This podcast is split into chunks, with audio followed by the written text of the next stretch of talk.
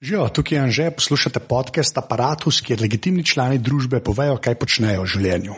Apparatus ima zdaj naprej tudi sponzorja, tako kot pri gostih, sem upal, da bom za sponzorja dobil neko normalno oziroma legitimno firmo. To se je tudi zgodil, tako da sem zdaj full vesel, da lahko rečem, da Apparatus podpira Third Frame Studios, podjetje, ki je sicer locirano v Kranju, sicer več ali manj poslujejo s tujimi partnerji, kaj točno delajo, lahko najdete na njihovi spletni strani www.trifas.si. So pa kul cool firma, ki je hotela pač podpreti Apparatus, jaz sem jim zato full hvaležen, pa tudi jaz sem vesel, da sem dobil enega sponzorja, ki razume, kaj jaz tukaj počnem in je tok družbeno družbeno odgovoren, da podpre eno tako zadevo kot je aparatus. Tole pa je 26. epizoda aparatusa, moj gost je tokrat Andrej Mrvlje, ki je newyorški dopisnik časopisa Dnevnik. Tale pogovor sva snemala celo dvakrat, ker nam je ta prvič zagodla tehnika. Sicer pa so veliko govorili o Snowdenu in celi zadevi okoli NSA in prisluškovanja ameriške vlade, kar on to zdaj pokriva, meni se zdi pa to izredno zanimiva tema. Potem pa še malo delu dopisnika o New York Timesu in seveda strojni in programski opremi. Preden začnemo, pa še enkrat hvala vsem, ki ste dali podcastu oceno v iTunesih, tako naš lahko še kaj najde. Sicer sem pa vesel kakršnega koli feedbacka, najdete me na Twitterju pod afna anzeta oziroma prek maila anzeafna aparatus.si. Evo, zdaj pa Andrej se zdaj imam jaz sebe snemam, pa še oba dva snemam prek Skypa. Narediti se še kakšen tretji vključno. Ja, se zaradi tega. Zdaj sem kol ne ve, odkar je Snowden povedal stvari. kar se pri meni dogaja, se nikoli ne ve. Ja, pa ti si še tujc, ne, veš. Ja, ampak pazi, mislim, če si imaš le, če imaš le, ko bi rekel, če si rezident, če si prebival, če imaš prebivališče tle, ne bi bil pokrit Kaj te ne bi zakon ščitil? Ja, ni tako, da. Ne, pač... ne, samo, ne samo državljane, tudi ko rekel, vse prebivalce, vsi, ki živijo oziroma prebivajo in imajo prebivališče na ozemlju Združenih držav, ne bi bili eh, pod zaščito istega zakona. Mislim, ta zakon, ki seveda ne velja. Aha. Okay. Skratka, to, pač to politika trdi. No. Ja, se je politika marsikaj trdi. Ja, ja. Načelo, zadnje cajte sploh.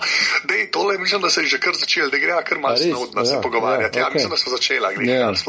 Pa te bom pol vprašal, kdo si igra, mal ta NSA je ja. delal. No. Spomne, da me boš vprašal, da se bom zapomnil. Dej, uh, zdaj je koliko to, zdaj je že 14 dni, je to zdaj ja, že. Ja, že dobro 14 dni, ja, mislim. Uh, ja. ja. Uh, zadeva nekako miruje trenutno. Ne? Ja, se nič novega ne dogaja. Ne, tako. mislim, tako je. Jaz tisto, kar delam, je pripravljam en tekst, ki mislim, da ga moram danes po noč napisati. Recimo, mislim, ti danes ne rabeš več, mislim, slišati recimo najnega telefonskega razgovora, ampak ti z vsemi temi številnimi podatki, ki jih pametni telefoni posredujejo in kako se preko mreži povezuje med sabo, ti praktično za neko logiko mišljenja in tako naprej razkrivaš več podatkov, kot da bi se imel po telefonu in poslušal telefonskem razgovoru. Uh, ampak to je, ne vem, sem, to me zanima. Včeraj sem bil na neki konferenci, v bistvu so to, a nismo zadnjič nekaj o tem govorila, da to so to vrstni podatki, ki jih pravzaprav zbira in Google in izbira velika mesta, kot je New York. Ravno včeraj so v New York University ustanovili neko, mislim, govorilo o velikem centru za zbiranje teh masovnih podatkov v mestah, ki potem služijo za boljše planiranje, urbaniziranje mesta, pa tudi boljši organiziranje trga in tako naprej. Ali pa recimo tisto, kar sem omenil med to, kar je Obamova kampanja počela med volilno kampanjo lansko leto.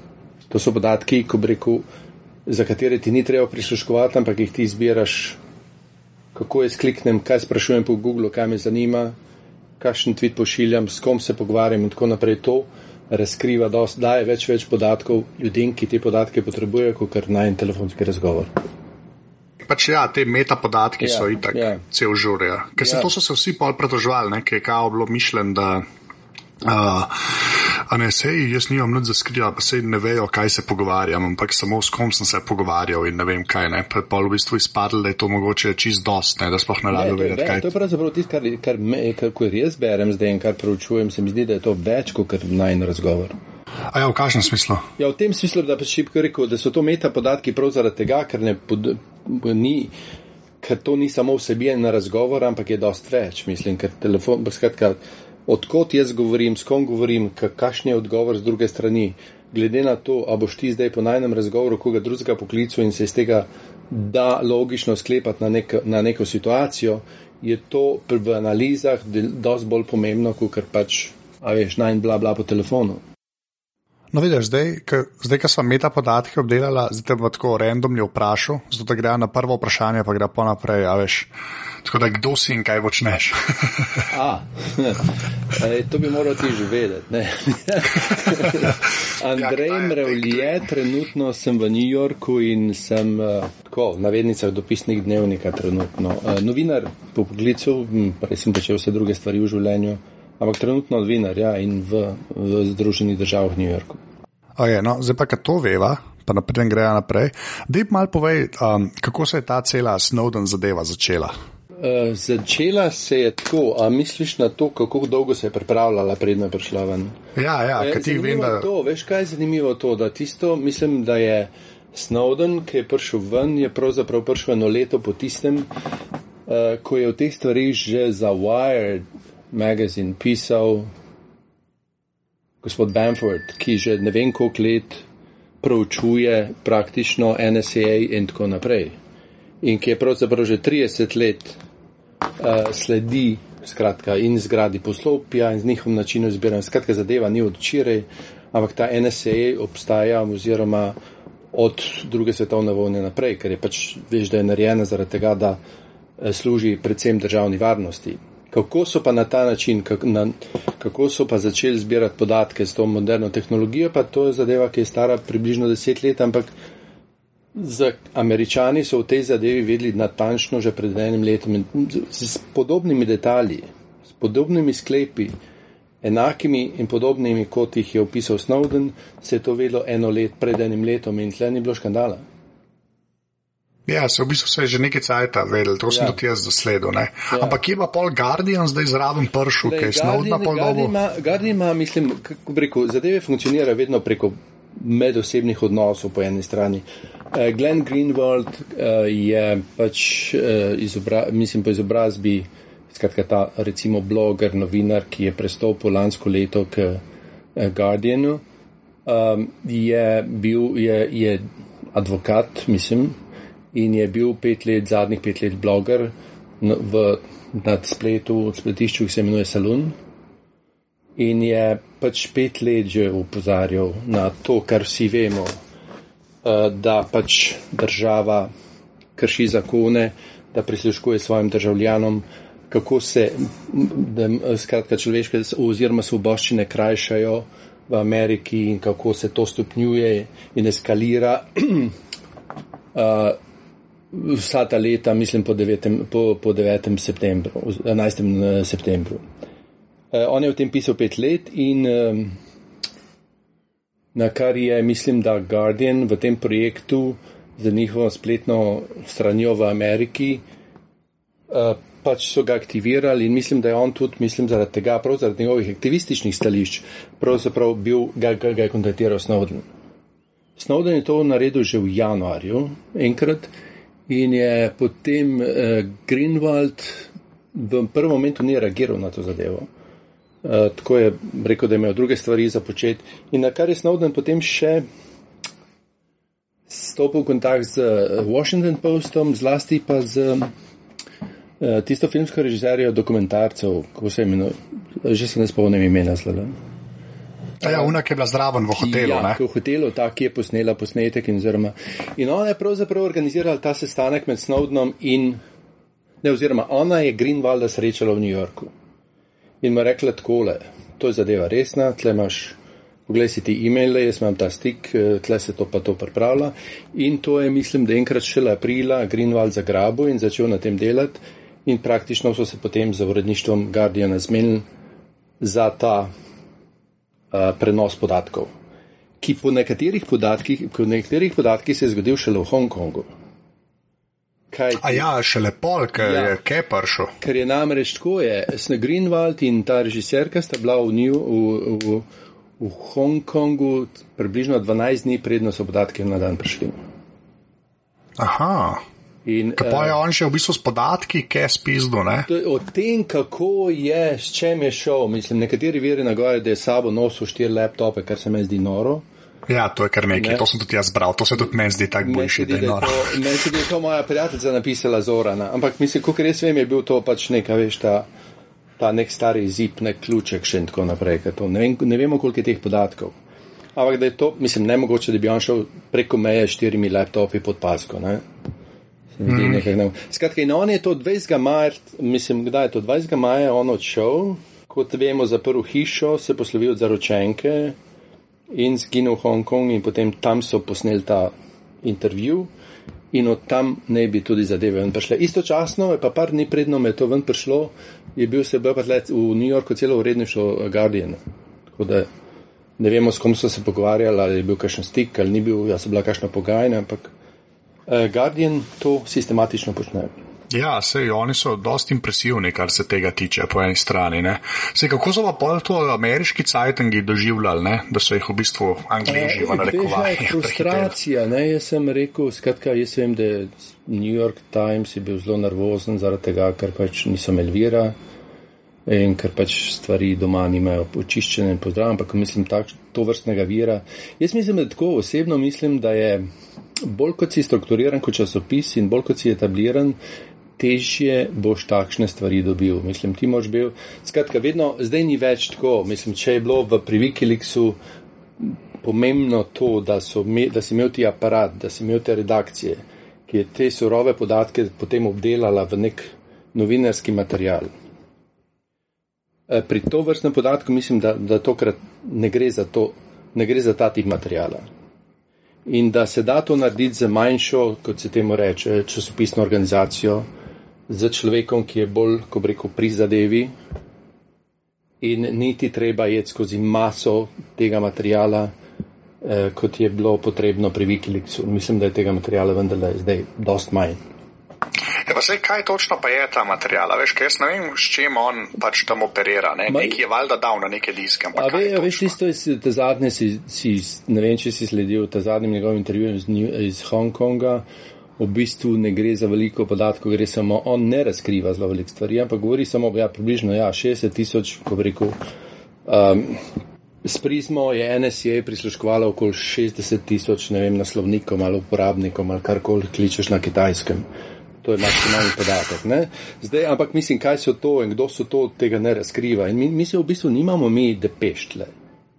Ja, se to ne. ne? On, mislim, tisto, kar je razkritje, je to, da je NSA sistematično krši zakon in da potem, ko je bila pri tem ujeta, praktično to, mislim, še naprej trdi, da je to pač v interesu države in da je to v interesu državljanov in državne varnosti.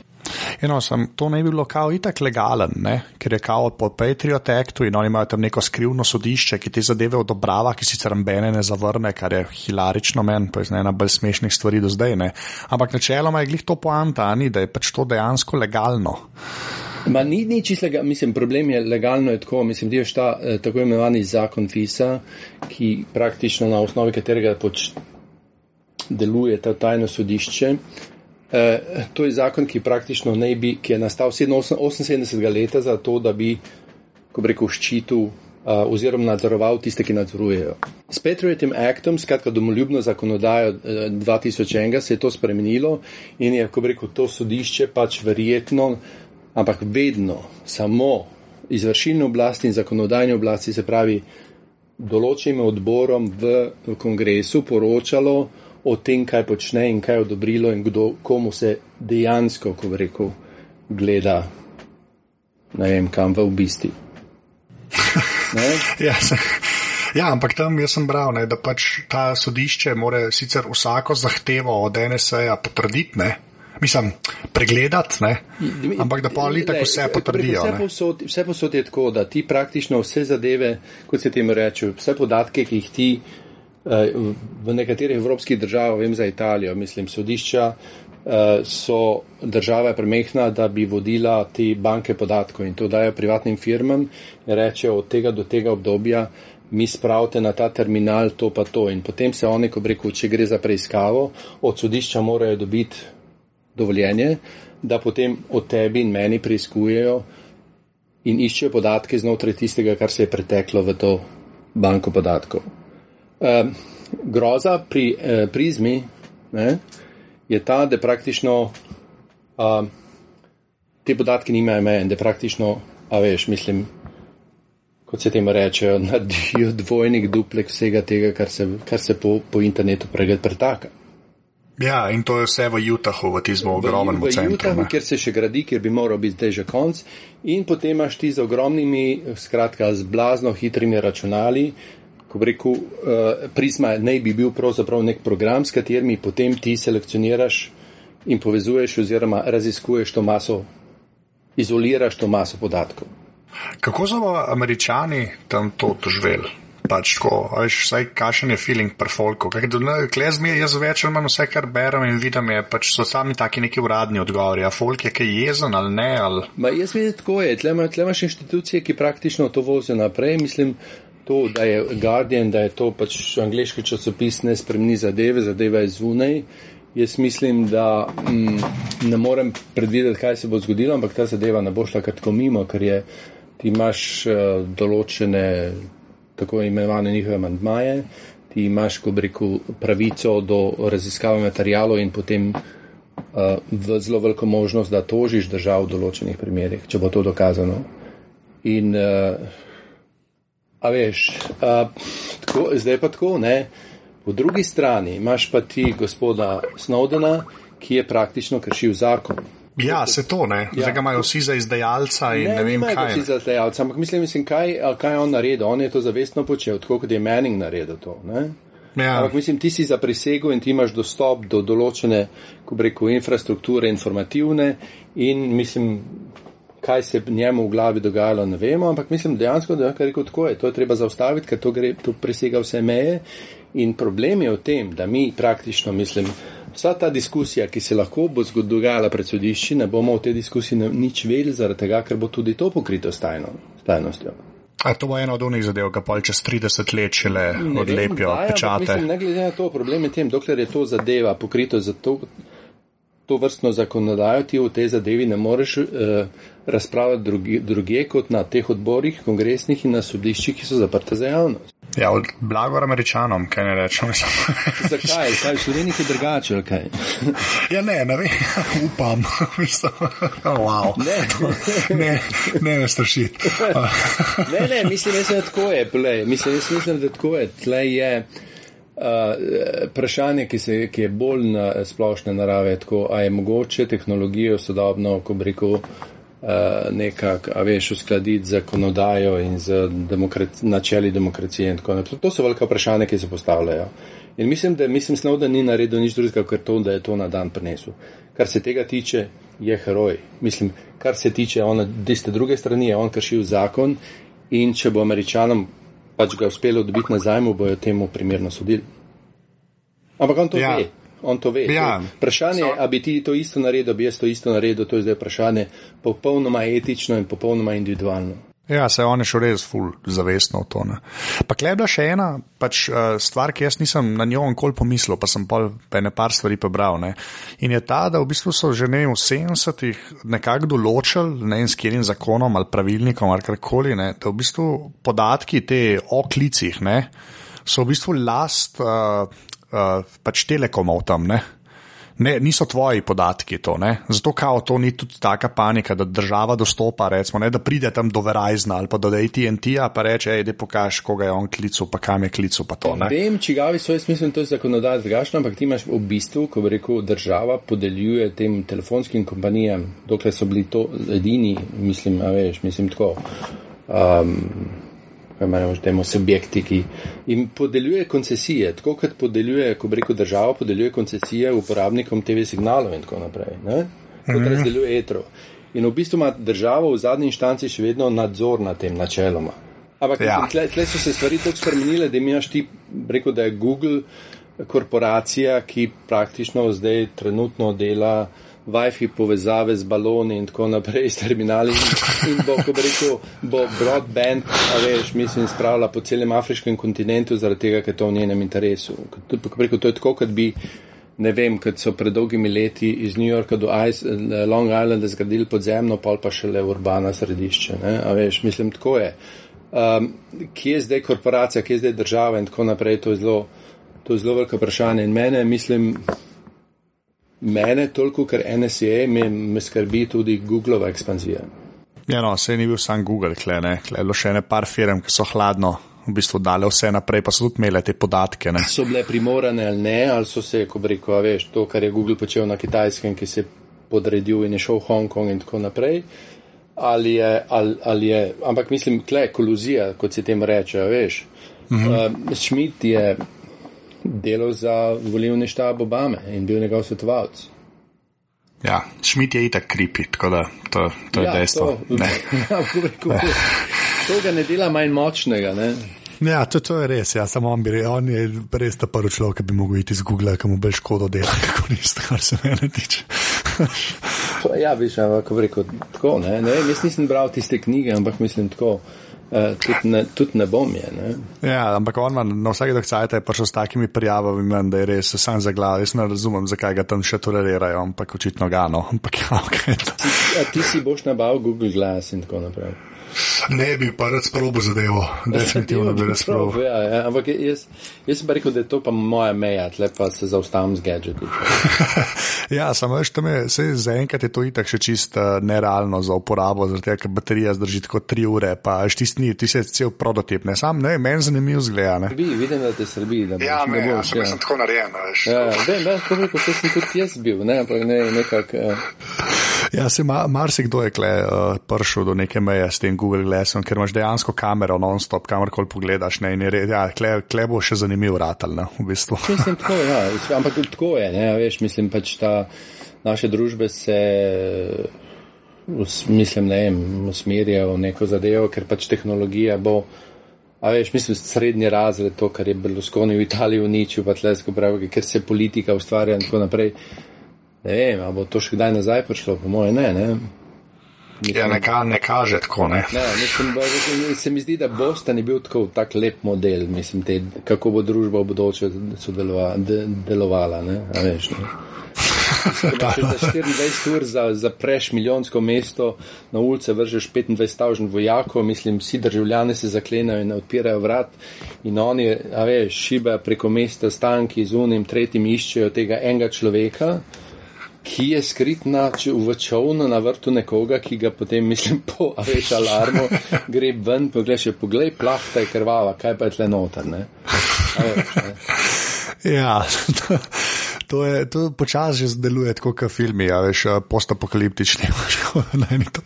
vedno dogaja. Mislim, ti imaš recimo ta država je tako, da pač mislim, tle imajo danes recimo gasilci v New Yorku več obla, oblasti kot novinari, bom rekel, no?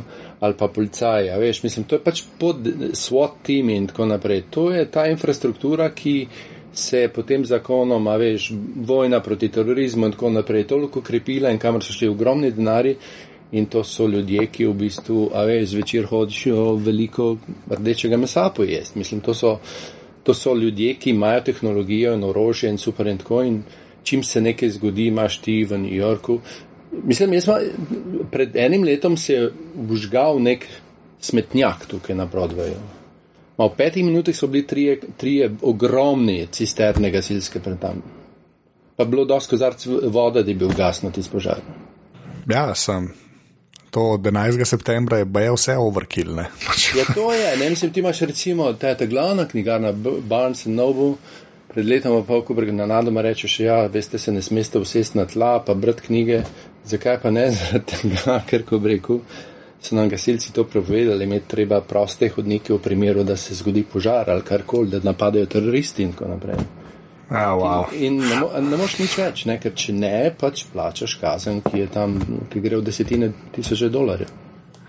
Ja, lepa. No, sej, da gremo mal na ta New York, pa kako je tam živeti, pa to, ne. Uh, pač kje, kje si ti Jaz točno sem v New eh, Yorku? na Broadwayu, temu se reče Upper West Side, med eh, Riverside parkom in centralnim parkom, prav na koncu centralnega parka. To je par ulic od Columbia University.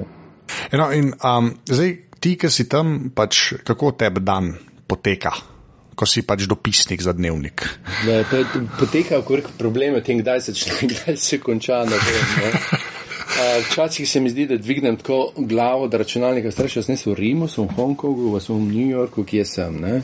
Ker pač mislim, ti delaš z časovnim zamikom, oziroma Amerika je čisto na repu te časovne verige in nam se ta zadnjim na tem svetu še kaj zgodi. Mislim, začne se v Avstraliji, Evropa. Tako, in mislim, mi poročamo v, z zamikom, kar pomeni, da jaz vstajam načeloma ob šestih zjutraj in da je treba najkasneje do dveh popovdne po ljubljanskem času zadevo končati, zapakirati. E, to pa je čas, ki se v bistvu Amerika šele prebuja. Ja. Tisto, kar počneš, ne, mislim, je zelo. Uh, zelo, ne, zelo redko se ti zgodi, da si ti v živo dogodku, skratka, da ti praktično poročaš o neki zadevi, ki se v tistem dan, zgodi, tistem dan zgodila, ampak ti v bistvu poročaš vedno za nazaj, s tem, da pripravljaš in rekonstruiraš z ogromnim zbiranjem podatkom, ki jih tle ne manjka, da uh, pač rekonstruiraš zgodbo, ki jo potem drug dan sporočiš v redništvu preko noči, predno ostaneš in uh, skratka jim sestaviš meni in oni iz tega menija zbirajo. Uh, kakšne zadeve pa so na tem meniju? Tako, mislim, no, ne... Kaj se dogaja? Mislim, včeraj je bilo. A veš, mislim, da tako, tako se, namreč problem je v tem, dokler dela za dnevne časopise, tako hitro menja, da v bistvu ti z ene zgodbe, najbolj stresno je to, z ene zgodbe greš v drugo. In da v bistvu v momentu, ki ti, ko pošleš file, ko pošleš zgodbo v Ljubljano, mislim, imaš ti pravzaprav že moš razmišljati, kaj bo naslednji dan in se začeti zbirati podatke za to, da bo ta zgodba v neki surovi obliki, ki jo lahko potem ponudiš urednikom. Um, kaj se to dogaja? To lahko vse, mislim, od politike do ekonomije, do uh, uh, teh stvari, ki so pač dogajajo, se feature mehni štori, ampak to, dnev, to so dnevne stvari. Drugo je seveda sobotna oziroma objektiv priloga in tako naprej. Uh, ki pač imaš za, za zgodbo malo več časa, kot pa samo 24 ur. No. Uh, s kom pa imaš ti tam kaj stike, tako, mislim, s katerimi mediji? Veš, da pač valjda nisi sam na netu, cel cajt. Uh, zelo velik sem na netu, ampak mislim, da je tako, je privatno ti.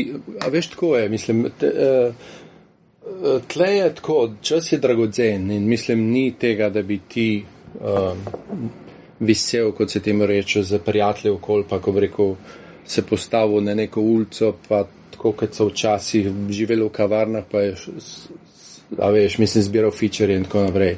Mislim, obstaja nek network, ki obstaja preko, in, preko neta in preko telefonov.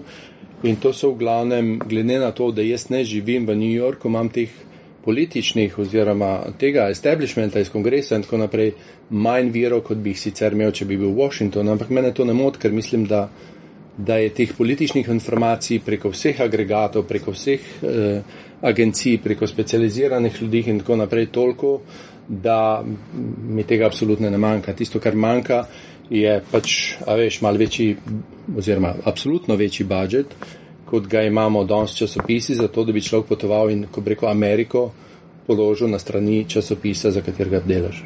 Kako pol ti si cel dan tako v svoji pisarnici? Ja, ja ne, ne, pač, a veš, mislim tako je, ampak če greš ven, greš to šele ob dveh, treh popovdne, kaj nehaš delati. Ne? Ja, ja.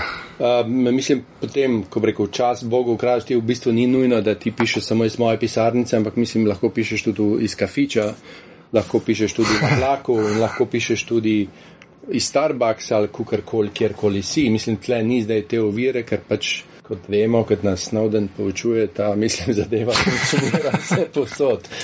Ampak mislim, um, je pa tako, da vendarle ne, uh, bi človek, ja, mislim, bi rad pač poročal z terena, kot se je temu času reklo, in tega pač manjka.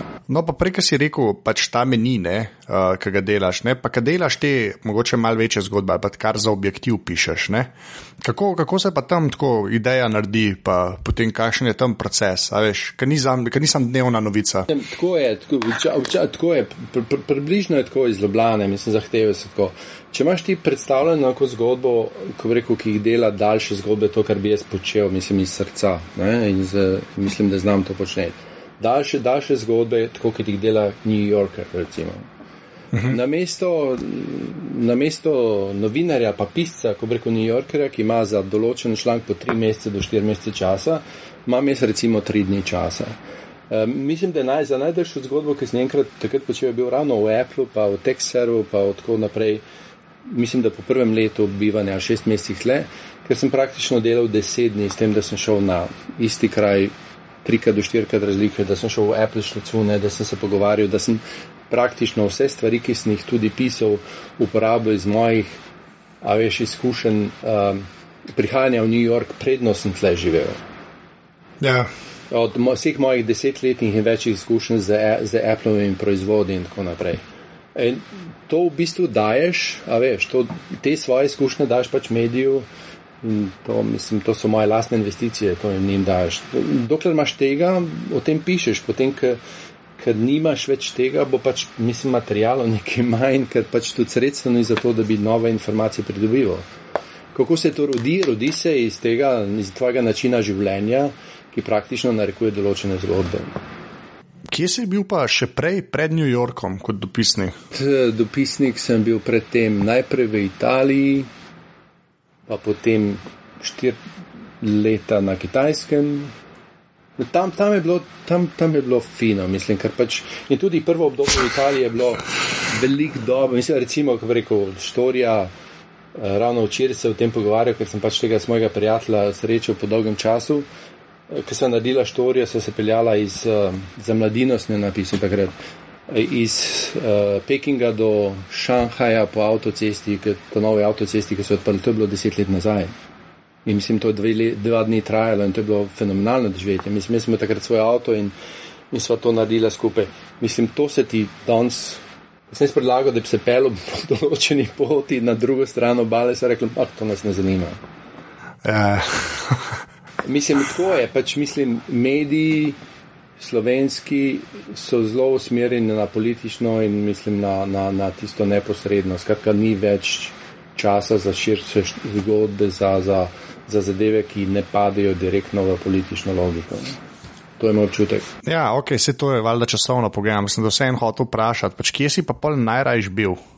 Ja, na, najraj sem se povsod, mislim, a veš, najraj mislim, ko bi rekel, v določenem momentu sem hodil, začel hoditi v New York, pa sem imel stanovanje v Rimu in v bistvu smo imeli še eno stanovanje, še ni bilo za, zaprto tisto stanovanje v Pekingu, skratka, in celo v Ljubljano sem doskrat hodil, tako da je bilo to optimalno, mislim, a veš, mislim tako, uh, bitna, uh, biti v več krajih, mislim, oziroma imeti več, veš, nog, oziroma več uh, skratka, možnosti gibanja okolja in spremenjanja okolja, zlasti kulturnega okolja, to je, mislim, to, to je tisto idealno, ampak to, to, to danes ni več mogoče.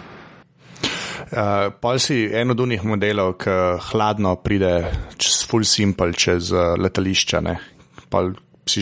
Ja, razen če reko, vse ti časi, ki enkrat, ko mislim, če nimaš, ko reko po celem nočnem poletu, sem enkrat napako naredil, pa sem imel temna očala, ker sem šel skozi kitajsko uh, carino in so me tam zagrabili in se je zgodilo, da sem prišel iz Rima in mi je takratna žena rekla, da pač ne, ker se bli, bliža velika noč, da ne pač iz trgovine pod stanovanjem v Rimu pač grem po pršut in po salamce, ker tega pač manjka in mislim.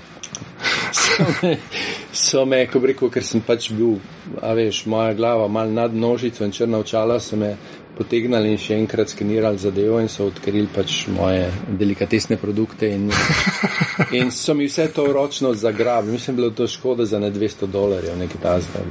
Oh, wow. No, skratka, ampak to je tako, gibati tega se preko, ja, uživamo tem, dejansko je tisto, kar. Um, čas je bilo že dosto, da si iz Slovenije se zapelo na italijansko strazo avtomobilo in si zamenjal tak, veš, mislim, ključ, register in si bil v popolnoma drugi civilizaciji in to mislim, da je to zelo velik užitek. V katerih letih si bil ti na kitajskem?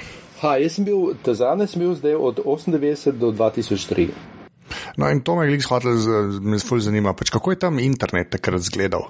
Se... E, takrat se začel s WiFi, mislim, jaz ga nisem imel še doma in tako naprej, ker sem imel eno veliko kanclijo in tako, ampak Uh, to je bil še dial-up. In uh, to je bilo zelo hudo, mislim, ker pač je bila počasna veza, tako da si ti praktično se ti stran odpirala ne vem koliko časa in potem edini način, da si to zadevo prebral, da si to sprintal. Uh, okay, ja, okay. uh, to je danes malo hitreje. Mislim, v zadnjih letih, ko sem bil tam, smo že začeli proksije uporabljati.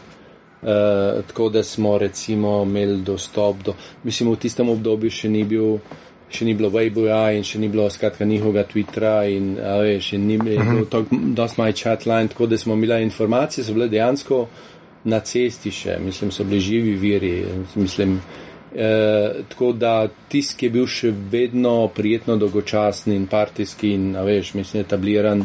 In če je kakšna zgodba se pojavila v kakšnem lokalnem časopisu, smo vsi padli na njo, zaradi tega, ker pač uh, so nam naši viri obvestili, da to je vtiskani zdaj. Uh, obupno, mislim, bilo je obupno in mislim, ko prideš iz Kitajske ven, mislim, na nadoma je bil to, mislim, po tolikih letih, čeprav sem vmes hodil domov, sem videl, da je pač, uh, mislim, da se, da se brez interneta in tiste, skratka, široko pasovnega in tako naprej ne da početi.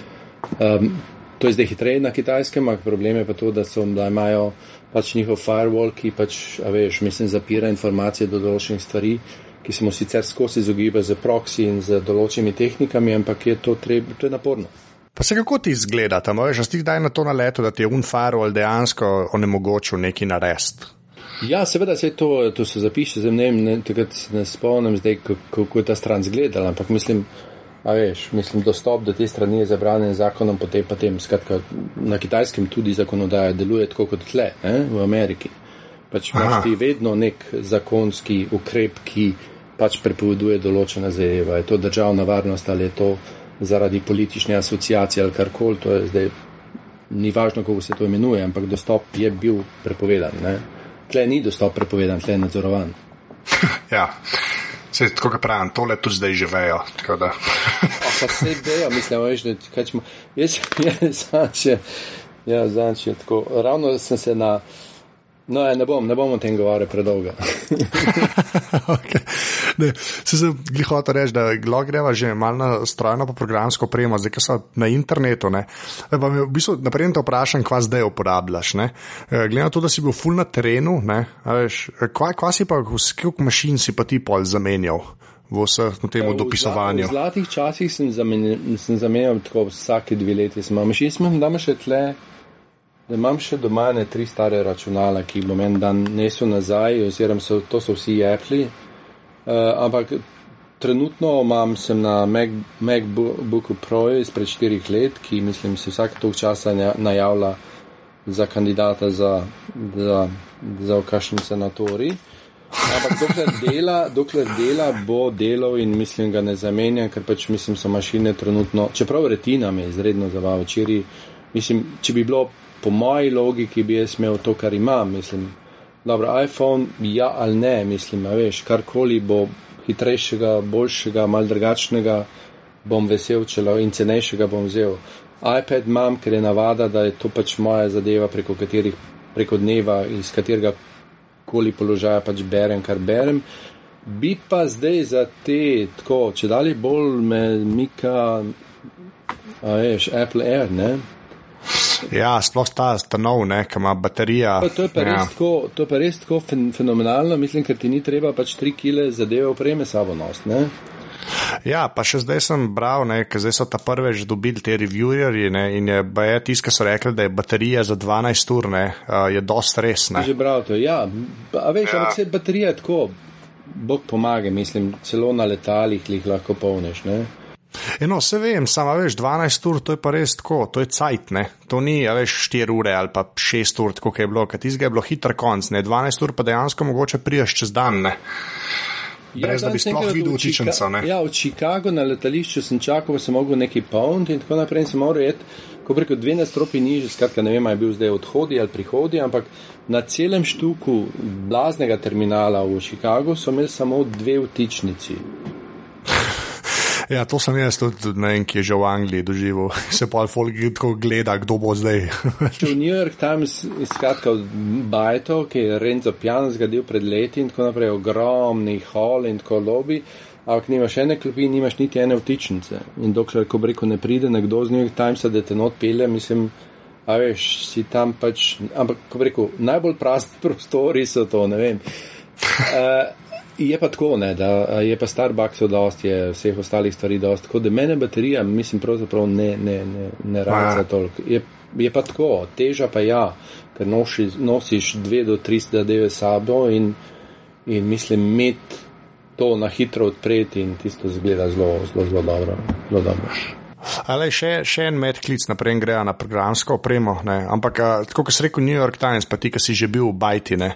a si bil tudi tam v uredništvu, a lahko kaj poveš, kako to zgleda? Le, jaz, vam, jaz sem tako, pač imam pač ta privilegij, da je praktično en del moje družine tam, recimo, oziroma pač mislim, imam dostop, kadar čem. No? Uh, kogar, mislim, da se da, koga peljem tja in tako naprej. Uh, to je pač, a veš, mislim, to je velik, velik, velika zgradba. Od tega je, mislim, da je od New York Timesa ostala samo še na 15 nastropi. Uh, trenutno newsroom, tako imenovanega, ki je vse povezan med sabo, je za 13 nastropi. Ampak, mislim, kako ti ne zdaj Ja, se. S čem ti ga naj primirjam, Ljubljana? Zgleda, mislim, zgleda kot recimo približno, da je to tega prostora, kot je, mislim, da una, ali ni neka ba, ljubljanska banka na, tam nasprot uh, državnega zbora, mislim, tako. Ja, ja. prostora, pa pa še trikrat več pa vdajajo, no, tako približno zgleda. Ampak, uh, uh, ja, tako mislim. Uh, to je, ampak ni, ni, ni nič več seksi tam, ker mislim, ker so ljudje pač mislim, ima več, mislim, to je tako, ja.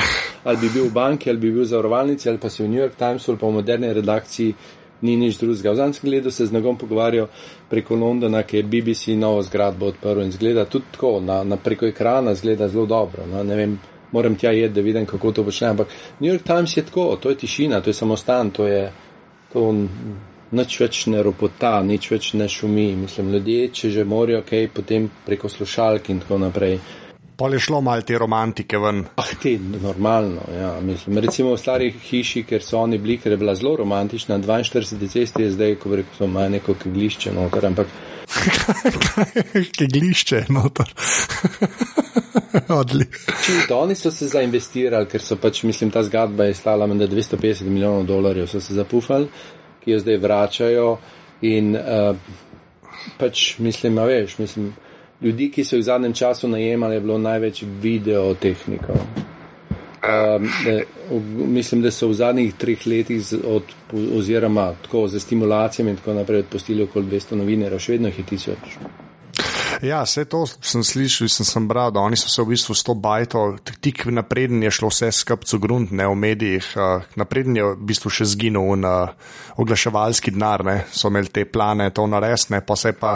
Um, le, oni še nimajo poslovnega modela, če izdelan, ampak mislim, da je to zadeva, ko reko tako, tle pa res, ne, mislim, tle pa je nek neizražen nacionalni interes, mislim, interes vseh je, da gospa Siva Lady ne umre, mislim, je, če, če gre to dol potem bo šlo vsem, a veš, mislim. Ja, sam Wall Street Journal, mislim, je pa vse en mrdo, kdo bo v roke, ne, na eni točki. 5 milijardov dolarjev, mislim. Veš, to je tudi res, ja. Okay. ja veš, e, če bo nekdo ponudil Salzburgerju od nekaj podobnega denarja, se zna tudi to zgoditi, o tem, tudi o tem se govori, ampak mislim.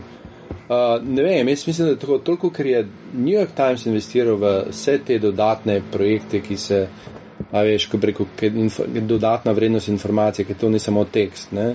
ampak je video, je komentar, so fotografije, so, ko mislim, ne vem, ne, res je super, no, mislim, in tle je razlik, to je zanimivo opazovati, kaj se dogaja z Guardian in kaj se dogaja tle, ne? ker ne glede na, na, na končni izdelek, na paket, na na boročnost jezika, ki ga New York Times uporablja, je vendarle to še časopis, ker ima dosti več informacij, ki je dosti bolj dokumentiran, kot pa, ko bi rekel, Guardian, ki je uh, pogosto krat zelo ideološki. No. Ja, sam ne vem, evo, Snowdenom je bilo pa tako, kot je bilo. Ne, ne pa tudi, če ti pogledaš njihove, njihove strani, a, veš, kar se okolja tiče in tako naprej, to je najboljš na svetu. Ja. Mislim, environment Sam... uh, v Guardianu je, ko reko, je Biblija. Ne? Ja, se, a ni New York Times je pa skenslil vse te, ki so environment desk imeli, ne? Uh, tle me zažene že živo, mislim, zakaj tam ni, to ni delovalo v New York Timesu, zaradi tega, ker pač preprosto, pred tremi leti, sem zelo poznal situacijo, so ustanovili redakcijo svojo za okolje. Ne? Eh, problem je v tem, da so zaposlili na to redakcijo urednike, ki eden je prišel športa, druga je prišla od neko drugot.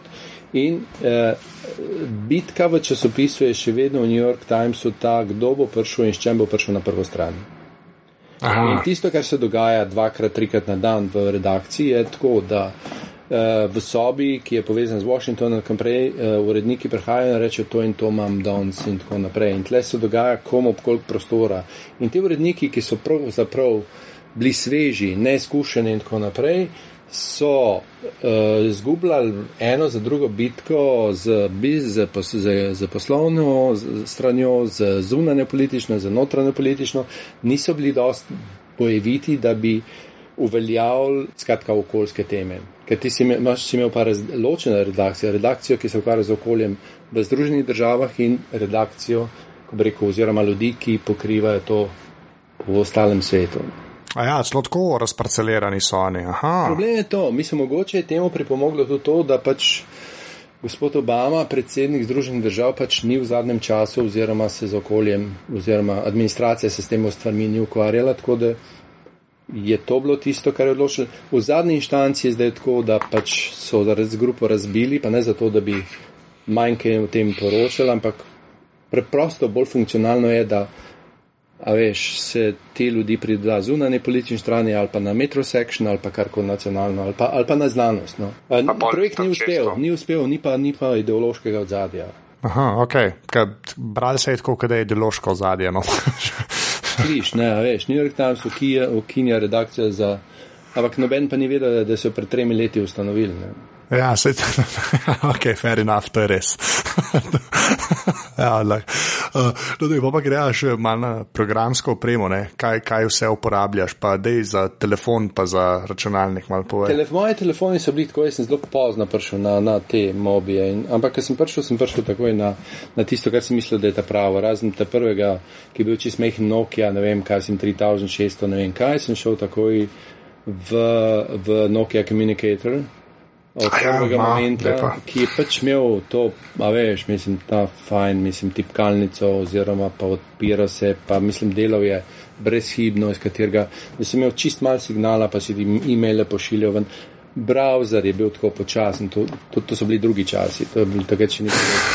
Ampak in potem šele praktično, čistko pošteno povedano, med brati, mislim, sem kupil prvi iPhone, mislim, da šele 2000 deset na začetku. Ja, oh, wow, ok. to pa je pozno, ja. ker 2-7 je vam prišel. Al, al, mislim, ja, problem je bil to, da v Italiji se je bilo zelo težko dobiti, da, da niso, rekel, da so delali težave, da sem ga naročil, pa ni prišel. Skratka, pol sem neki. A veš, uveljaviš pač, mislim, to, da si novinar in pokličeš Vodafone, mislim tam, ker so rekli, da ja, bomo pa uredili to. Ne? In, in, in ker sem dobil telefon v roko, se mi je zdelo, da, da mi je svet dol padel. Sploh nisem, a veš tisto, ki rekel, ne veš, zakaj si s tem človekom poročen. Pa, rekel, uh, zakaj smo bili v Jugoslaviji toliko časa skupaj, ko pa nimamo nič skupnega. Tako, mislim, predtem nič, ne, ko pa se to zgodi, pa nazaj pogledaš, pa rečeš, ja pa, a veš, ne. Ja. Mislim, Nokia je bil cigu, nenadoma, počasen. Mislim, ustrašil sem se tega, kar iPhone lahko počne. Uh, in mislim, tle, ne vem, mislim, tako, mislim, življenje je drugačno. Ja, kje aplikacije uporabljaš na iPhonu? Ja, mislim, trenutno uporabljam na iPhonu zelo malo, ker je obič, običajno. Mislim, na iPhonu le še, mislim, občasno te razno razne aplikacije za fotografije, s tem se igram. Uh, radio. Um, um, uh, kako se imenuje ta iTunes Radio? Ne, Aha. iTunes, ni, ne, ni še, uh, ne. Ja. Radio In ali kaj, čak malo. Uh, TuneIn Radio je, mislim, da je zdaj ga bo, mislim, da ga bo, mislim, bo z njim tekmoval tudi iTunes Radio, ne?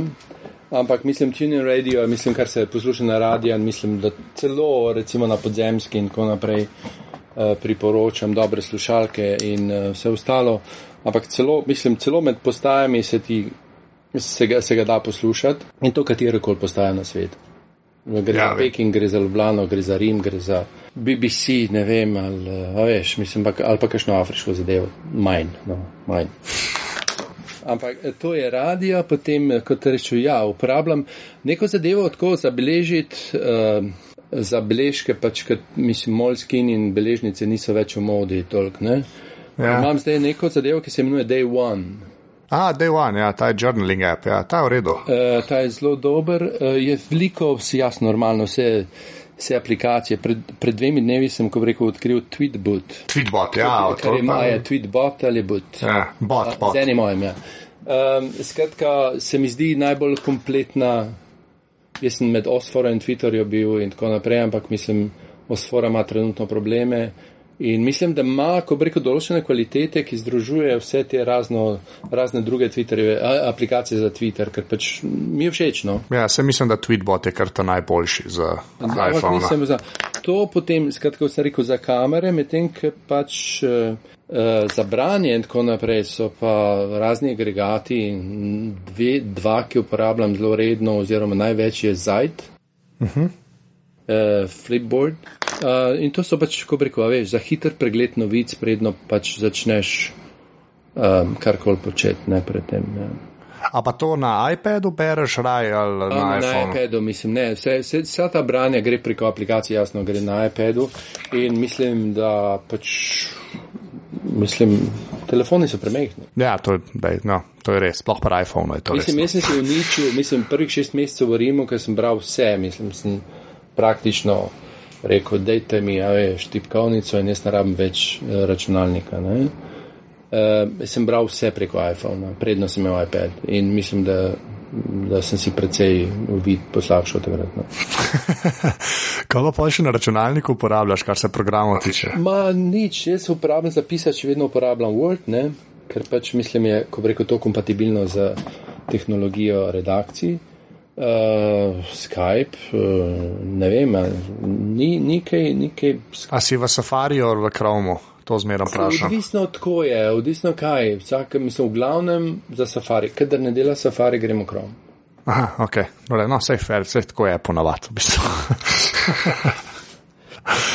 A tipkaš pa dejansko na ti, ki dosti pišeš, ne to te ljudi, ki dosti pišejo, pa zmerno vprašam. Pišeš kar na uno tipkovnico od MacBooka ali imaš kakšno svojo? E, na, ja, na, ne, ne, ne. Mislim, absolutno. Dilema je bila to, ali si dam veliki, ali si kupim veliko uh, zaslon, ne? Uh -huh. In ti zunaj tipkalnico, ampak rekel, glede na to, da sem razvajen in rekel, da imam, vidim v drugih, ki imajo rekel, zaslone, ki so maj, z nižjo resolucijo, Jaz sem tako razvajen, da pač mislim, da bom tudi šel na retino, eh, ko, ja. treba, bo treba računalo zamenjati in mislim, da tako. Ne, ne, se ne spremeni nič. Mislim, spremnilo bi se, če bi si povečal zaslon. Ne? Ampak ja. mislim, glede na to, da tega ne bom naredil, je tipkovnica, ki je ugrajena v računalo, mislim, da povsem dovolj. ne, drugače sem imel uh, reti na MacBooka, sem imel v rokah in ja, se, se, ja, se, se, jaz, jaz ga hodim gledati, ne, ampak obrati. Ja, tam pa Apple Store pa. ja, ne, ne, sem, mi smo v svojo štecu na Apple Store, te Genius in tako naprej so. Ja, pa ne, a veš, mislim, meni so tri telefone zamenjali iPhone čistko brez ošubo, ne. Ja. Ampak uh, brez da bi me karkoli vprašal, na kar uh, ugotoviš, da nazaj dobiš vedno recikliran telefon, ne na oba. Ja, to so zdaj sploh začeli, so dobili neke nove mašine, da jih ozadje popravljajo, pa tako zmerno reciklažo dobiš skoraj. Ja, recimo jaz imam paket, ki imam, a veš, na katerem imam uh, telefon, internet in tako naprej, skratka, oziroma mene to na telefon me stane približno 50 dolarjev na mesec.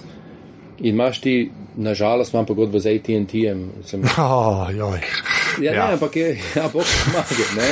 Okay, ja. Če me jede na Verizon ali na T-Mobile ali na Sprint, ali, a veš, mislim, pač, ja. mesto je Sa. takšno, kot je. Mislim, ima visoke zgradbe in v med, med ulicah se še vozijo s konji. Mislim, približno je tako, ko preko prodajati projekt, zdržuje pa nobene zadeve. Ne? Ja, vem, ja. da, eh, v bistvu tle je pač tako, eh, slabše dela kot na kitajskem. Veš, ja, valjda, ja. ne sploh ATT v New Yorku je, je grozen. Ja, e, meni ja. men sem edini, ko rekel, od teh, ko rekel, ki mi pač telefon pade dol. Imam problem s tem, da pač mislim, če si ti z nekom pogovarjaš z intervju ali karkoli, ne moreš je narodno, če ti ne nadoma linija pade. Tako da sem včasih prisiljen uporabljati še to landline. Ne?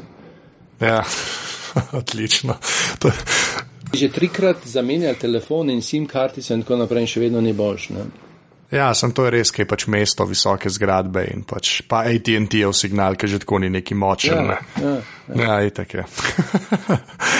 Ker GS bi moral biti mal boljš, ne?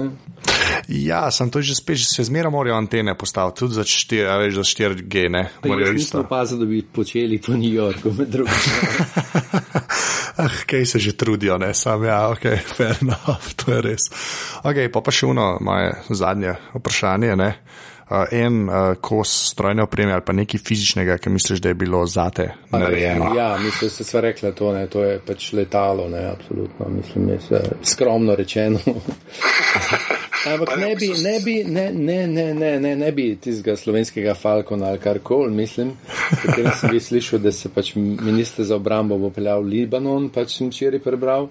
Ampak mislim, ne, ne, mene zanimajo, ko reko, te javna, javna letala in niti ne vojaška, tako kot tebe. Ne, ja, ne vem, kaj te grabi do vojaških letal, ampak mislim, ko reko, meni je všeč potovati in spreminjati okolje, kot sem rečem, na momentu, ki pač se usedeš in se peleš nekam in ko prispriješ to, to je, mislim, to je tako reko, tako, mislim, se ti svet odpre. Ne, in, in tudi všeč mi je potovanje v tem smislu uh, stvari, v katerih ki, ki jih lahko počneš, ki jih Ja, mislim, eh, priznam, mislim, potovanja z avioni so postala izredno neudobna, eh, prostor med sedeži je če dalje manjši, mislim, hrana je obupna, ampak mislim, jaz sem imel do pred leti, ker sem toliko potoval, mislim, do pred enim letom sem imel frequent flyer miles in tako naprej in sem vedno tako počel, da sem se lahko pač uh, vključil oziroma uh, v, šel v business class, a veš, čakati na letalo in tam so bile vedno solate ali karkoli, s čemer si sem, a veš, prehrano ja. prednost so ti prišli na letalo in rešili, a boste meso ali boste piščanca, ne, a veš, mislim tisto. Mm. Tako da, um, me, meni je to všeč, no, Druga, drugi hardware, ki, ki se mi zdi tako pomemben za me, so čevlji, no. Kjer pa, si moraš, firmo imaš. Ne? Ne, ja, ja, imam kemperje, mislim, jaz sem šel na casual, totalno, mislim. Vse v New Yorku moraš, po moje. A, ja, mislim, ne, jaz tako, ne grem čisto v tisto njihove ekstreme, a veš, kar kol gor pa je v redu. Ampak mislim, je, je pa popolnoma dovolj, če si ti v, a veš, v paru, kavbojki in majici in tako naprej. Mislim, ne, mislim, odkar ne živim v Italiji, ne uporabljam več denarja za oblačila.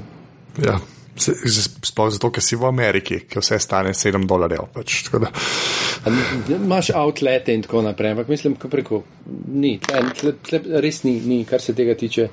Čeprav jasno, tle, v Mari so neke kravate, pa obleke in tako naprej. Uh, ampak mislim, to zelo redko, tako dvakrat na teden, to, mislim, dvakrat na leto in to takrat običajno, kadar kakšni slovenski politiki pridejo v Združene narode okay. To je najboljši zaključek, ever. uh, ej, Andrej, ful, hvala. Evo, to, to je to. Um, in, uh, Dobro, ja, kralj, ne? Mislim, mislim, tako, da so se enkrat posnela v prazno, drugič. Ja, valjda. Vse to je to. Pa ti se bo sam uh, generalka, generalka se ti zmoderja. So, hvala še enkrat. Čau, čau. čau. Tole je bila 26. epizoda aparata. Andreja najdete na Twitterju pod Afna Andrej Mrevlje, sicer pa njegove pisarije najdete v časopisu Dnevnik in na dnevnik.si. Mene na Twitterju najdete pod Afna Anzet, vse ostale pogovore najdete na spletni strani aparatus.si, 2P sta v imenu in kakršnega koli feedbacka sem dobrodošel, tako da mi lahko težite na Twitterju oziroma prek maila anzeafnaaparatus.si. Evo, to je naslednjega tedna to. Ciao.